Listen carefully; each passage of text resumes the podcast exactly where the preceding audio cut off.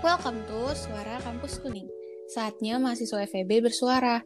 Di episode 6 bareng Adele dan Vanessa. So, selamat datang di segmen Gemini, generasi masa kini. Berhubung kita ada di segmen Gemini nih, Del. Nah, kebetulan aku itu zodiaknya uh, musuh semua masyarakat Indonesia. Kamu bisa nebak gak, Del, zodiakku apa? apa ya kalau misalnya musuh seluruh Indonesia tuh biasanya hmm, Gemini gak sih? Kamu Gemini, Van?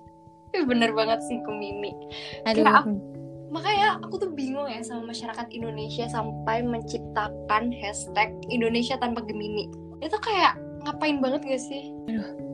Banyak nih yang benci Gemini, termasuk aku sih sebenarnya. Sorry banget, tapi kayak hmm. Padahal Gemini do nothing loh.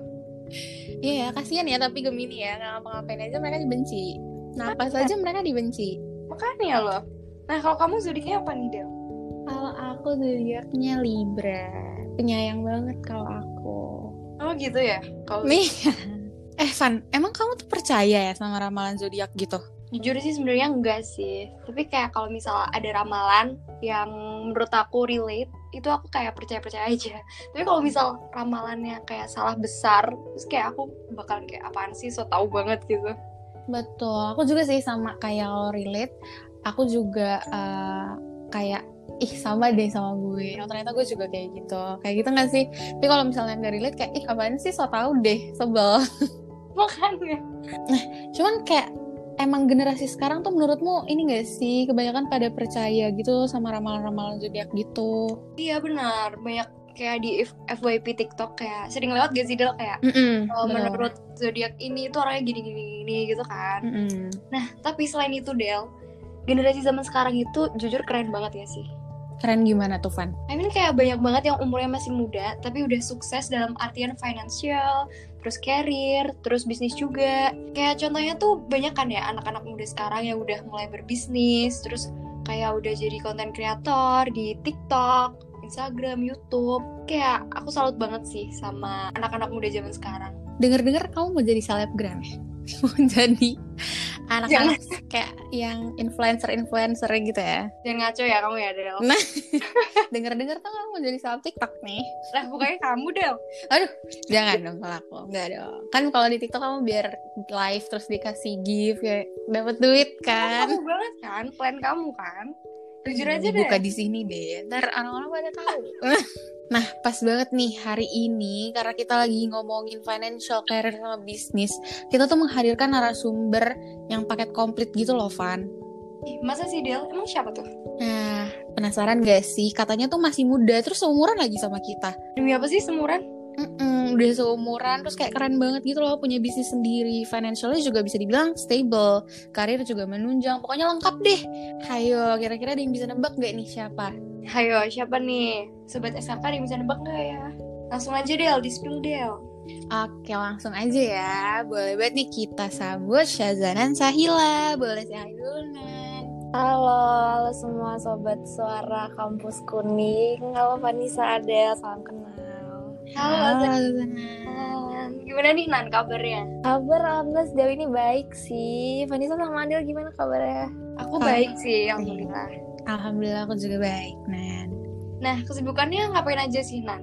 Akhir-akhir ini. Oke, kesibukan aku sekarang lebih ke kuliah sih. Terus paling endorse alias kerjaan aku sehari-hari. Aku juga lagi rencanain rebranding buat bisnis aku sih. Tapi aku lebih lagi lebih fokusin ke kuliah aku gitu. Wah, keren banget. Tapi kuliahnya Gimana, itu gimana? udah ma- udah libur belum sih Nan kuliahnya? Belum, aku masih UAS sampai minggu ini. Cuman udah banyak yang selesai sih UASnya di minggu kemarin. Oh, oke. Ngomong-ngomong soal kuliah nih, kita belum tahu Zanan tuh di mana sih jurusan apa kuliahnya? Aku kuliahnya coba tebak yang ada di itu loh di Jawa Barat situ. Aduh, banyak nggak sih, Van? Gimana sih? Tapi aku nembaknya Unpad. Bener nggak nih? Bener gak? Bener dong. Aku di Unpad ngambil jurusan administrasi bisnis gitu Wah. sih. Tahu nggak kenapa aku tahu kamu di Unpad? Karena kamu temen aku. Karena aku lihat di Unpad Unpad gelis. Waduh. Waduh, udah jadi teteh-teteh gelis ya ceritanya. Aduh. Udah masuk empat gelis nih. Nah, boleh nanya nggak sih Nan kenapa kamu milih jurusan tadi administrasi bisnis ya? Apa Mm-mm. karena passion kamu atau pengen ngembagi, ngembangin wawasan tentang jurusan itu atau gimana? Aku ambil jurusan ini tuh awalnya emang karena menurut aku tuh bakal cocok sama aku karena bakal cocok juga sih sama bisnis yang aku punya karena emang aku udah mulai bisnis kan dari waktu aku masih SMA tuh. Jadi pas aku kuliah, aku ngerasa kalau di jurusan ini tuh aku bakalan enjoy dan ngasih banyak insight baru juga sih buat aku sama buat bisnis aku ke depannya gitu. Oke, keren banget nih. Terus kalau misalnya selain kuliah sama bisnis, kesibukannya selain itu ada nggak sih, Nan? Kira-kira? Eh, ada dong, sesuai yang aku bilang tadi, kesibukan aku ya lebih ke kerjaan sih, endorse, terus campaign dari brand-brand juga. Kadang juga aku suka datang ke event kerjaan gitu. Sama kalau sekarang aku emang lagi mau fokus ngerencanain rebranding buat eh, bisnis aku gitu. Oh, keren banget ya, Van ya. Ih, Oh, keren gimana nih, Van? Nah, tadi kan Zen kan udah bilang mau rebranding, terus suka yang ngerjain endorsan, campaign dari all shop all shop lain. Nah, terus menurut Zana tuh definisi influencer tuh apa sih? Sebenarnya kalau definisi influencer tuh luas banget gak sih? Tapi Ya. menurut aku influencer lebih ke uh, nih orang nih bisa ngasih impact besar ke banyak orang gitu. Biasanya nih orang punya followers yang banyak di sosial media gitu. Terus uh, menurut aku juga influencer tuh biasanya punya caranya sendiri buat nge-reach out banyak orang untuk ngelakuin hal-hal yang sama kayak mereka atau beli barang yang yang sama kayak yang dipakai sama influencer ini. Pokoknya emang punya impact yang lumayan besar lah ke banyak orang gitu. Tapi nggak sedikit juga sih influencer yang ngasih impact yang menurut aku negatif ya. Jadi kalau milih-milih influencer harus yang itu sih harus picky Iya Kalau sih, ntar- bener banget. ya kalau nggak ntar jadi negatif vibes ke kitanya ya nggak sih Iya. Betul banget. Yang penting valuable nggak sih, Nan? bener bener banget Jadi influencer tuh. iya nggak cuma influencer juga tiap orang harus banget punya value Value, yes. Betul. Nah, terus kalau misalnya eh, kayak kan kamu ngejalanin bisnis itu kan ngelewatin pastinya proses panjang ya. Nah, Mhm. kira-kira tuh gimana sih prosesnya Nan? Boleh nih cerita sedikit-sedikit ke kita. Oke, jadi kalau ditanya awal mulanya tuh gimana bisa sampai jadi influencer kayak sekarang. Sebenarnya aku juga nggak mau ngecap diri aku influencer sih. Jadi awalnya tuh dulu waktu masih sekolah, masih SMP, emang aku tuh suka suka fashion kan, udah suka fashion dari kecil. Terus juga sering foto-foto outfit, terus mungkin juga karena aku dari SMP udah pakai hijab dan kayaknya untuk ukuran anak SMP pakai hijab dan doyan fashion tuh kayak jarang gitu kan. Iya, iya benar. Ya kan? Makanya Apalagi di zaman Aku- itu kan. iya bener banget. Dan anak-anak sumuran SMP kita tuh belum banyak yang emang main sosmed yang segitunya gitu kan. Tapi aku udah mulai suka tuh Nyari-nyari ya. Iya dan lain-lain. Terus eh, makanya aku mulai banyak tuh orang-orang yang follow aku. Aku juga nggak kayak ih kok banyak sih yang follow jadi kaget sendiri. Namanya juga anak SMP kayak gitu sih bingung. Nah udah gitu waktu SMA makin rajin tuh ngonten, maksudnya ma- makin paham kan. Terus eh, makin paham segala macamnya dan mulai datang tuh kerjaan-kerjaan dari brand-brand dan segala macam. Nah dari situ sih mulai ngalir aja gitu sampai sekarang. Keren banget ya, Van ya. Nah, tadi kan kamu bilang mulai dari SMP udah berkecimpung lah ya di dunia fashion. Nah, Mhm. kamu tuh ada kiblat fashion gak sih? Maksudnya kayak inspirasi kamu tuh dari mana gitu? Atau emang dari diri kamu sendiri gitu? Dulu tuh ya waktu aku zaman SMP itu eh, aku suka banget liatin eh, Kak Dian Pelangi. Terus ada juga tuh yang yang umurnya nggak beda jauh sama aku, Kak Shirin. Pokoknya banyak Oh, deh tahu, influencer. Mhm. Iya, ada influencer hijab pada zaman itu yang emang menginspirasi banget sih. Dari situ aku suka mulai. Dan umi aku tuh juga orang yang suka fashion kan. Jadi aku juga ngeliat ke dia gitu kayak umi aku pakai baju apa, aku juga pengen ah pakai baju kayak gitu atau umi aku pakai kerudung apa, aku juga pengen kayak gitu. Kayak gitu namanya juga anak SMP kan ya. Oh, Oh, jadi dari SMP udah nyari role modelnya sendiri. Iya benar. Baru aja mau ngomong itu Del. Udah aku ambil ya. Dari tadi kan kamu udah cerita nih eh, kesibukan kamu ada ada konten, ada ngendorse, terus ada campaign. Terus cara bagi waktu kamu antara kuliah sama kerjaan itu gimana sih Nan? kalau untuk cara bagi waktu sebenarnya aku belum sejago itu di time management tapi menurut aku uh, aku tuh prinsipnya kayak mumpung masih muda apa aja dicoba gitu. Kalau ada kesempatan di depan ya udah coba aja. Jadi kalau sekarang ya emang lagi kuliah emang prioritas aku tuh kuliah gitu. Tapi biasanya aku ngerjain kerjaan itu kalau misalkan udah uh, ker, apa tugas kuliah aku udah kelar terus udah urgent banget kerjaannya jadi aku harus kerjain. Tapi aku lebih sering bikin to do list gitu loh. Entah aku biasanya bikinnya harian sih. Kayak hari ini aku harus ngapain aja tapi aku bukan tipe anak yang detail yang tiap jam jam ini sampai jam ini ngapain gitu enggak juga. Makanya lagi belajar juga time managementnya gitu sih. Oke berarti itu kayak udah terstruktur gitu ya per harinya ya? Ya aku biasanya bikin to do list tiap hari cuman bukan yang kayak dari pagi sampai sore ngapain aja tetap aja ada leha-lehanya segala macam.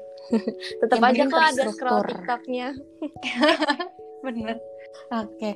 terus aku tuh mau nanya nih tentang kayak, uh, maksudnya Zanan tuh uh, expect gak sih kalau misalnya bakal jadi influencer kayak gini gitu? Kalau ditanya expect atau enggak, jujur enggak sama sekali sih. Kayak kalau boleh jujur nih ya, aku tuh dari dulu anaknya tuh pemalu banget. Bahkan sampai sekarang aku termasuk anak yang pemalu sih. Eh, demi apa sih?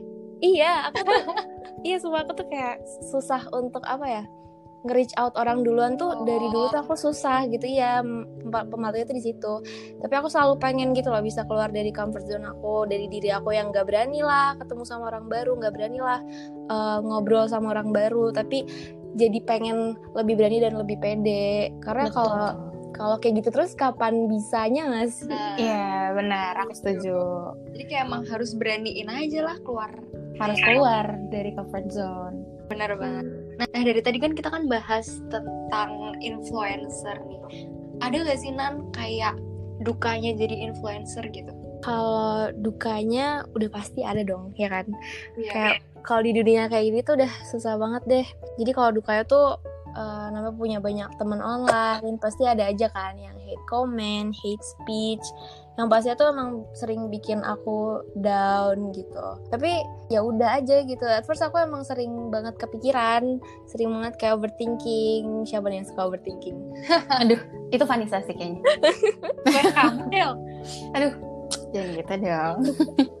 Tapi lama kelamaan ya udah aku telan aja gitu. Kayak kalau aku masukin ke hati malah makin pusing kan jadi ya udah karena nggak ada nggak ada benefitnya juga nggak sih kalau aku pikirin hmm satu banget gitu. Pasti banyak ya Terus ada lagi sih kalau duka ya kalau misalkan uh, satu hal lagi yang menurut aku bisa jadi duka jadi seorang influencer.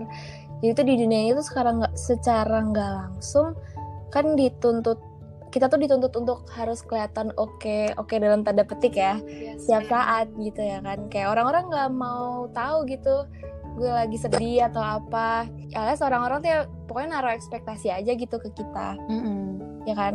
Iya iya. Jadi, pasti ada aja yang komen atau yang perhatiin hal-hal kecil yang menurut kita itu tuh bukan it's not a big deal tapi bagi orang menurut mereka. sih hmm. gitu kan. Terus mungkin dukanya tuh privacy sih jadi lebih minim menurut aku privasinya iya sih apalagi kayak kayak expose gitu kan kayak mm -mm. Bener ya. banget kak Kadang tuh aku malah mikirinnya Orang-orang di sekitar aku tuh keganggu gak ya Kalau misalnya aku temenan sama teman aku Terus aku uh, mungkin bikin story apa sama dia. Mereka keganggu nggak ya kalau aku expose? Mm-hmm. aku tuh kadang mikirinnya kayak gitu sih. Nanti kalau misalnya kita diem malah kayak ditanyain gitu sama orang-orang yang kayak aku gak pernah nge story yeah. lagi gak pernah ngepost lagi. Jadi serba salah gak sih? Bener. Iya eh putar lagunya Raisa serba salah. Uh, aku mau nanya nih kira-kira kayak gimana sih cara kamu uh, ngatasinnya? Kayak kan tadi udah ya kamu kayak udah cara ngatasin kamu hate comment hate speech kayak kamu kan uh, ya udah gitu udah biasa juga. Terus kayak uh, ya udah ditelan aja gitu karena mm -hmm. pasti banyak juga orang kayak gitu ya. Susah juga buat dihindarin hate comment hate speech kayak gitu gitu nah kalau misalnya privacy sendiri nih kamu kira-kira tuh gimana sih? Kayak cara ngadepinnya tuh gimana? Kalau privacy aku sekarang tuh jauh lebih milih mana yang aku bisa share mana yang enggak. Jadi gini misal aku kan punya adik ya kayak aku suka kan ngevideoin mereka gitu nah dulu tuh aku main upload upload aja gitu kalau sekarang aku hmm. lebih nanya ke mereka kayak kalau kakak upload ini boleh nggak jadi aku ngehargain hmm. transisinya mereka oh, gitu oh iya paham Iya, jadi biar sekeliling aku tuh juga nggak keganggu dengan kerjaan aku yang mengharuskan aku kayak gini gitu. Jadi terbatas gitu ya, padahal pengen ngepost ini tapi harus tanya dulu Iya. sama orang. Bener banget. Iya. Takut takut mengganggu aja sih. Hmm. Nah. Tuh. Kalau misal kayak kamu pasti setiap harinya kamu nggak selalu good mood kan ya, pasti ada lah suatu hari kamu gak mood, kamu demot gitu. Nah, gimana sih cara kamu bangkit lagi gitu biar kayak jadi mood lagi, jadi semangat lagi gitu gimana?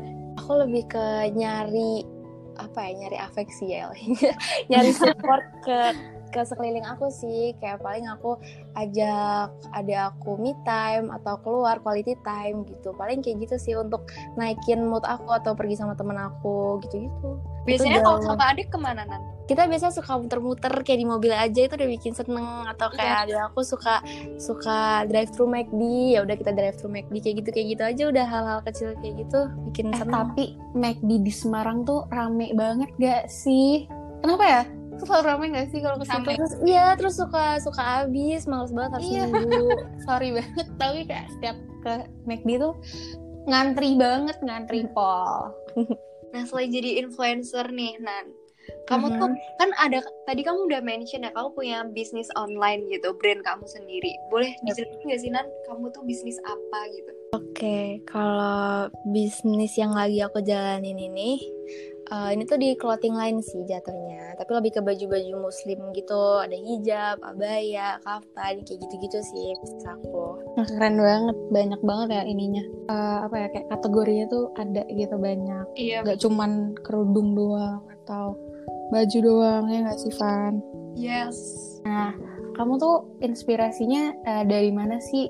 Eh, Nan kayak kok bisa kamu kepikiran eh, ngebuat bisnis ini tuh gimana nih? Kalau inspirasi, sebenarnya nggak ada inspirasi yang spesifik gitu. Cuman Hmm. awal aku bikin bisnis tuh itu kan di awal pandemi ya waktu aku masih SMA. Jadi awal tuh emang gara-gara gabut aja. Jadi akhirnya aku bikin bisnis ini. Terus aku juga sempat konsul dulu kan ke umi aku dan dan karena beliau tuh ngerti fashion, terus ya udah didukung dan aku mulai ngejalin aja gitu bisnisnya. Jadi awalnya tuh emang gara-gara gabut aja sih. Berarti ini kayak gabut membawa keuntungan gitu ya. Tuh Pengen kamu tuh- coba-coba, pengen coba-coba. Iya benar. Nah kamu tuh yang itu nggak sih yang belanja kainnya sendiri, yang ngurusin sendiri gitu, kamu sendiri atau ada yang bantuin? Biasanya aku ditemenin sama umi aku sih, tapi ia milih kainnya apa sendiri, terus juga nganterin ke konveksi segala macam. Kayak gitu, tapi seru tau, capek sih, capek cuman seru karena dapat pengalaman yang emang dari dulu tuh nggak per- belum pernah aku dapetin gitu kan. Berarti kamu tuh udah ngerti kayak tekstil gitu-gitu, kamu ngerti ya Nan berarti? Sedikit, ya Oke. sedikit banget masih kayak dasarnya banget nih. Nah, aku mau nanya juga nih, kira-kira kamu tuh punya nggak sih keraguan awal-awal waktu kamu uh, ngebuat bisnis tuh punya keraguan gak sih kayak, aduh, bikin gak ya kayak gitu? Kayak bimbang gitu. Ah, ah, ah, bimbang gitu. Sempet sih, sempet ada keraguan karena menurut aku si hijab atau clothing line baju ini tuh udah banyak kan yang punya. Mm-mm. Nah, jadi karena kalau bisnis pakaian sendiri tuh kemungkinan ada, adanya repeat order tuh juga kecil kan dibandingin makanan. Kalau misalkan orang beli baju sekali ya udah gitu. Mungkin kalau hijab orang cocok bisa beli berkali-kali ya beda-beda warna gitu. Cuman beda kan kalau makanan itu udah udah eh, targetnya beda dan kalangannya juga beda. Mungkin keraguan aku tuh awalnya di situ karena kayak bisa nggak ya ini tuh jalan gitu loh. Tapi karena aku ya sendiri juga suka di bidang fashion, jadi ya udah aku jalanin aja dan alhamdulillahnya aman lancar sih. Iya benar. Alhamdulillahnya kayak sukses gitu ya. Mm-mm. Belum sukses. Nah, Amin. amin, amin. Terus ada nggak sih Nan kayak goals atau harapan apa yang kamu yang belum terwujud gitu, yang pengen kamu capai ke depannya? Ada nggak sih? Ada dong, pasti banyak nggak sih kalau goals atau harapan tuh. Iya sih benar. Aku tuh Boleh nih disebutin sedikit-sedikit. di Hellonan tuh aku pengen banget banyakin produk lagi gitu kayak masih kurang menurut aku terus juga aku pengen eh, pokoknya aku pengen ngembangin bisnis ini deh gitu pengen bisa punya kantor pegawai nantinya kalau udah gede pokoknya kalau untuk harapan tuh kayak boleh dong ngarep setinggi tingginya kan Boleh banget tuh. ya Yang penting gitu. harapannya nggak tiba-tiba jatuh aja ya, Nan. aduh iya sih bener juga Pengalaman banget ya. Aduh, itu beda beda pengalamannya. Kalau ini kan bisnis ya, kalau aku beda. beda. Tapi kalau yang deket-deket ini sih aku tadi itu yang udah aku mention aku pengen uh, rebranding rebranding ya dari segi marketing, packaging, produk dan lain-lain pokoknya aku pengen coba rebranding sih. Keren banget. Semoga goals dan harapan yang belum tercapai segera tercapai nih. amin Amin. Kamu kira-kira ada tips atau motivasi yang kamu pengen kasih ke sobat SKK nggak sih, Nan? tentang apa pun itu deh Wih, oke. Motivasi kalau dari aku untuk sobat SKK, kalau emang ada kesempatan, pokoknya jangan pernah ragu untuk maju gitu. Karena ya mumpung masih muda nggak sih, semua hal tuh harus dicoba. Karena kalau udah tua nanti nggak bisa dong. Kayak Mm-mm. terbatas kan pasti. Ini mumpung masih muda, belum ada beban yang macem-macem banget. Coba aja semuanya. Kalau kalau nggak dicoba ya nggak akan tahu mana yang emang bisa kita jalanin kan kayak jatuh bangun tuh juga udah biasa ya udah you only live once so take the risk or you'll never know ya nggak sih? Betul banget. Apa pun itu pokoknya kalau kita penasaran coba aja daripada nantinya. Nyesel karena nggak nyobain nggak sih? Karena kita nggak ngelakuin iya terus nanti ya kayak ah coba tadinya gue oh coba Iya. deh, coba. iya. Ah, iya banyak nyesel lagi tuh dari tadi kan kita udah bahas ya tentang influencer tentang suka duka terus tentang bisnis kamu gitu nah sekarang boleh nih Nan kamu mau eh, sampein gitu tentang bisnis kamu kayak promosiin. ya promosiin gitu oke ini sobat SKK kan ya bener kan Yes. Betul. untuk sobat SKK semuanya lagi dengerin podcast ini jangan lupa mampir mungkin ke Instagram Helonan atau ke Shopee-nya juga boleh terutama buat kalian sih para ciwi-ciwi yang berhijab nih biar hijabnya nggak itu itu aja coba deh mampir ke Instagram Helonan kita bisa langsung check out bisa loh Betul. Loh, bisa loh. Langsung ya guys, langsung cek di Hello Nan. Nggak Langsung cuma check out. kerudung aja loh. iya Banyak guys. Langsung cek aja makanya. Cek ya guys di @helonan ya Nan. Iya Helonan ID boleh Oke. Nah, menurut kamu nih Nan, kan dari tadi kita udah bahas nih all about cara kamu membuat memulai bisnis, terus proses kamu menjadi influencer. Nah, berarti kan bisa dibilang uh, sukses lah ya. Iya dong. enggak dong masih jauh banget dong Ya. Be ya. Amin. Amin. Amin. Boleh dong share rahasianya tuh apa gitu? Apakah emang kamu itu udah passionnya, jadi kamu jalanin aja gitu? Atau gimana? Oke. Kalau sukses itu tuh benar-benar jauh banget sih. I mean, aku juga nggak tahu sebenarnya sukses tuh diukurnya gimana kan. Tapi aku bisa di posisi ini juga, of course karena aku punya privilege. Kayak nggak mau munafik, aku punya privilege dari lingkungan sekitar aku, support dari Benar. keluarga, teman, dan tapi alhamdulillahnya aku bisa pakai privilege itu gitu. Makanya bisa kayak sekarang walaupun emang menurut aku masih jauh banget dari kata sukses. Betul. Emang Gitu support orang-orang terdekat tuh pengaruh banget ya Nan. Banget, banget, banget, banget. Mm. Nah mungkin ini last question nih Nan. Kayak ada nggak sih uh, pesan-pesan yang tentang apa aja deh yang pengen kamu sampein ke sobat SKK? Kalau tadi kan motivasi, sekarang pesan-pesan nih ke sobat SKK kira-kira apa nih? Oke, buat sobat SKK kalau dari aku intinya mulai aja dulu dong. Jangan jangan malu-malu gitu. Kayak dulu aku juga malu-malu, tapi kayak aku belajar buat keluar dari comfort zone aku gitu. Pokoknya nggak boleh malu. Terus jangan terlalu mikirin omongan orang-orang yang bukan bukan yang nge-support lo gitu. Oh mereka juga cuma bisa ngomongin kan, bukan Iya. mereka juga yang nantinya bangga sama apa yang bisa lo capai gitu jadi ya udah nggak usah peduliin mending peduliin support uh, keluarga teman-teman terdekat gitu sih Betul. Semua proses kita yang lewatin. Jadi omongan orang nggak usah didengerin. Benar. iya bener anggap angin lalu aja Betul. Bye, gitu Nah, seru banget gak sih Del kita udah bahas per generasi milenialan ini. Betul. Seru banget sih. Apalagi kayak ngomongin bisnis, karir gitu. Kayak seru banget sih, Van. Ya jadi pikiranku tuh kayak langsung kebuka gitu. Mm-mm, betul. Aku jadi pengen punya bisnis gitu. Aduh. Amin ya, Van. Semoga kamu punya bisnis ke depannya. Kalau kamu ada kepikiran gak Del pengen pengen bikin bisnis apa gitu setelah denger statement dari Zana? Kalau aku mau bisnis apa ya? Aku dokter cinta aja boleh nggak? Aku dokter zodiak aja nggak? Lah bukannya kamu kepikiran bisnis pinjol Del? Waduh, Waduh. itu agak risky banget nih kak. Ntar kamu diteleponin sama pinjolnya nanti bahaya loh Van. Takut. Kalau kamu gimana Van? Kalau kamu ada nggak nih kira-kira kepikiran mau buat buat bisnis apa gitu? Jujur ada sih pengen, tapi kayak masih bingung. Nah masih kayak Zanan tadi di awal-awal kayak masih, aduh bikin bikin nggak ya? Aduh masih kayak bimbang gitu. Tapi setelah denger statement Zanan ini uh, semakin terdukung sih. Tapi ya lihat aja besok ya. Betul, karena dikasih dengar-dengar dari tips-tips jalan ini nggak sih jadi kayak aduh insightful banget jadi pengen ya pengen apa ya penasaran buat bisnis sendiri ya Iya. Dong. banget karena jujur jujur kuliah ini butuh cuan banget ya betul betul betul banget. apalagi kamu anak kos ya Del? Iya aku Iya. aku kos banget nih. Ntar kayak kalau aku nggak punya cuan nanti kan aku makan indomie terus tiap minggu. Aduh kasihan banget ya. Iya ya. Nah sebelumnya aku mau ngucapin makasih banget ya Nan ke kamu udah mau jadi speaker di SKK Udah mau sharing knowledge juga. Kapan-kapan eh, datang lagi ya Nan. Makasih banget ya Nan.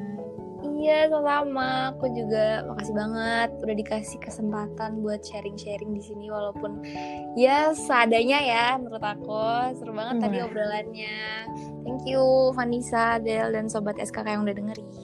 ini nggak seadanya nggak sih Van ini benar-benar Iya. kayak seada Ini ini udah info ada ada banget loh. banget gitu betul insightfulnya tuh dapet banget gitu Parah loh Ya parah ya harus gitu ya.